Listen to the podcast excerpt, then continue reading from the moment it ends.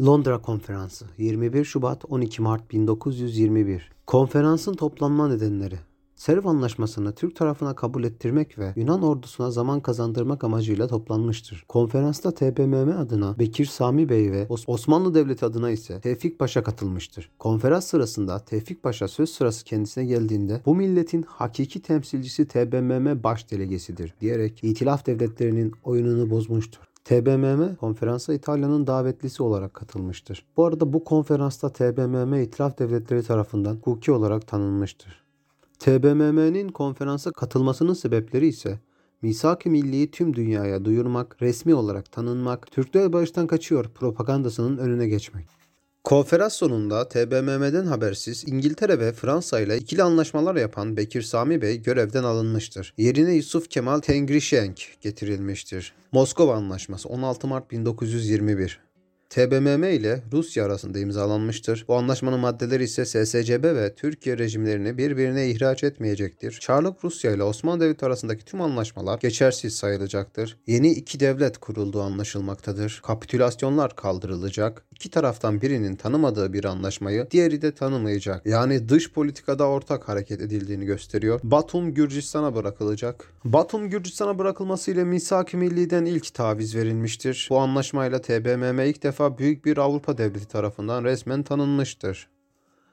İkinci İnönü Savaşı 23 Mart 1 Nisan 1921 Savaş nedenleri Yunanlıların İngiliz desteğini kaybetmemek istemesi, Londra konferansının başarısız olması, Yunanlıların 1. İnönü Savaşı'nın öcünü almak istemeleri, yine Yunanlılar Eskişehir ve Ankara'yı alarak TBMM'ye son vermek istemesi. Savaş sonucunda Mustafa Kemal İsmet İnönü'ye gönderdiği telgrafta, siz oradan sadece düşmanı değil bu devletin mahkus talihini de yendiniz. Ayrıca inkılap tarihinin bir sayfası 2. İnönü zaferiyle yazılmıştır demiştir. Savaşın sonuçları Fransa TBMM'ye ateşkes teklif etmiştir. İngiltere Malta'da bulunan 40 Türk'ü serbest bırakmıştır. Fransa Zonguldak'tan çekildi, İtalya Anadolu'dan çekilmeye başlamıştır.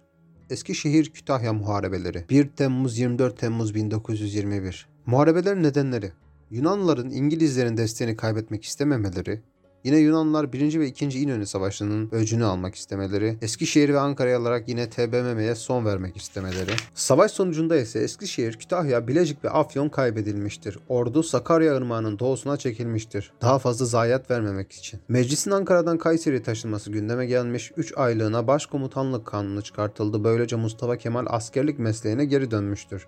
Başkomutan Mustafa Kemal ordunun ihtiyaçlarının giderilmesi amacıyla tekalifi milliye emirlerini çıkarmıştır. Fransa'ya ateşkes teklifini geri çekmiştir. İtalya Anadolu'yu boşaltma kararından vazgeçmiştir. Tekalifi milli emirlerinden gelen yardımların bir kısmı Sakarya'da, diğer kısmı ise Büyük Taarruz Savaşı'nda kullanılacaktır. Savaş sırasında TBMM Başkanı olarak görev yapan Mustafa Kemal, Ankara'da öğretmenler ile bir araya gelerek 1. Marif Kongresi'ni düzenlemiştir. Bu kongre günümüzde yapılan MEP şuralarının temelini oluşturmuştur. Sakarya Meydan Muharebesi, Subaylar Savaşı, 23 Ağustos 13 Eylül 1921, Melhame-i Kübra yani Büyük Kıyım, Savaşın nedenleri. Yunanlıların Ankara'yı alarak milli mücadeleyi sona erdirmek istemesi, savaş Polatlı dolaylarında yapılmıştır, topyekün savaşa örnektir. Mevkisi ise Doğatepe'dir. Bu savaş ile Türklerin 1683 2. Viyana'dan beri geri çekilişi sona ermiştir. Son savunma savaşı olan Sakarya Meydan Muharebesi'nde Mustafa Kemal Hattı müdafaa yoktur. Sathı müdafaa vardır. O sattı tüm vatandır. Vatanın her karışı vatandaş kanıyla sulanmadıkça bu vatan terk olunamaz emrini vermiştir. Bu savaş sonucunda Mustafa Kemal'e gazilik ünvanıyla mareşallik rütbesi verilmiştir. İngiltere ile esir mübadelesi anlaşması imzalanmış. İngiltere TBMM'ye ve Yunanistan'a ateşkes teklifinde bulunmuştur. Ukrayna ile dostluk anlaşması imzalanmış. Fransa ile Ankara anlaşması imzalanmış. Bu anlaşmaya göre Hatay Fransız mandasındaki Suriye'ye bırakılmış. Böylece Nisak-ı Milli'den ikinci tavizi de verilmiştir. Süleyman Şah'ın mezarının bulunduğu Caber Kalesi Türk mülkü sayılacak. İtalya Anadolu'dan tamamen çekilmiştir. Anadolu'dan çekilen ilk iltilaf devleti İtalya'dır. İtalya ve Fransa'nın bırakmış olduğu silahlar büyük taarruzda Türk ordusu tarafından kullanılmıştır.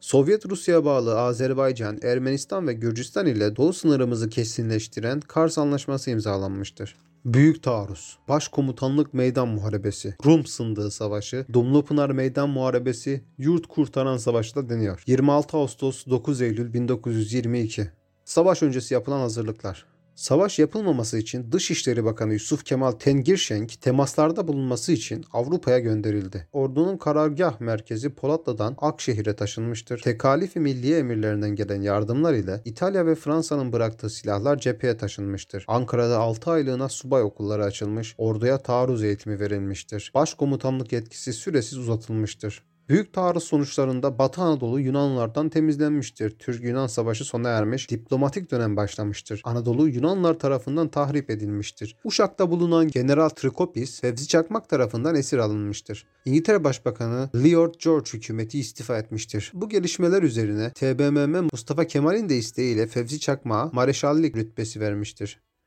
Mustafa Kemal bu savaş sırasında ordular ilk hedefiniz Akdeniz'dir, ileri emrini vermiştir. Mudanya Ateşkes Anlaşması 3-11 Ekim 1922 bu anlaşmada Türkiye'yi İsmet İnönü temsil etmiştir. İsmet İnönü'nün buradaki başarısı ileride Lozan Barış Konferansı'na da gönderilmesini sağlamıştır. Maddeleri Türk-Yunan Savaşı sona erecek, Yunanlılar Doğu Trakya'dan çekilecek. Refet Bele, Trakya Yüksek Komiseri sıfatıyla Doğu Trakya'yı Yunanlardan geri almıştır. Boğazlar ve İstanbul TBMM'ye bırakılacak ancak barış anlaşmasından sonra verilecektir. Osmanlı Devleti Mondros ve Serv anlaşmaları ile fiilen, Mudanya Ateşkes Anlaşması ile hukuken, saltanatın kaldırılmasıyla da resmen sona ermiştir. Saltanatın kaldırılması 1 Kasım 1922 Nedenleri Lozan'a hem Osmanlı Devleti'nin hem de TBMM'nin birlikte çağrılması, ulusal egemenliğin önünde bir engel teşkil etmesi, anın içinde iki devletin bulunmasının ulusal çıkarlara aykırı olması, Osmanlı Devleti'ni resmi olarak sonlandırmak. Saltanatın kaldırılması 1. TBMM'nin yapmış olduğu ilk ve son inkılap hareketidir. TBMM Lozan Konferansı'na tek gitmiştir. Laiklik yolunda ilk büyük adım atılmıştır. Devlet başkanlığı ve rejim sorunu ortaya çıkmıştır. TBMM'ye saltanatın kaldırılması hakkındaki kanun teklifini Doktor Rıza Nur ve arkadaşları sunmuştur. Lozan Barış Anlaşması 23 Temmuz 1923 Baş delegeler İsmet İnönü, Hasan Saka ve Doktor Rıza Nur'dur. Mustafa Kemal'in tariz verilmemesini istediği konular ise Ermenilerin yurt istekleri, kapitülasyonların kaldırılması. Lozan görüşmelerinin gözlemci devleti ABD'dir. Lozan'da alınan kararlar. Sınırlarla ilgili Batı sınırında Yunanistan ile Mudanya, Bulgaristan ile de İstanbul Anlaşması esas alındı. Doğuda Kars Anlaşması esas alındı. Güneyde Ankara Anlaşması esas alındı. Irak'ta bu sorun gündeme gelmesine rağmen çözümü sonraya bırakılmıştır. Kapitülasyonlarla ilgili ise tamamen kaldırılmış Duyuni Umumiye İdaresi'nin Türkiye'deki görevi sona ermiştir. Azınlıklar hepsi Türk vatandaşı sayıldı. İstanbul'un boşaltılması ise 45 gün içerisinde boşaltılma kararı alınmış. Patrikhane ile ilgili tüm ısrarlara rağmen İstanbul dışına çıkartılamadı. Lozan'da her iki devlet arasında uzlaşıp yazıya geçirilen ilk konu Patrikhane konusudur.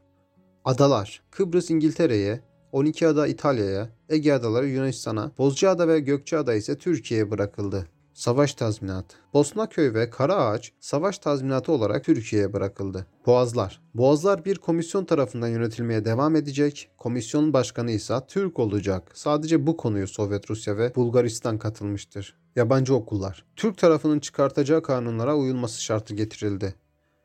Dış borçlar.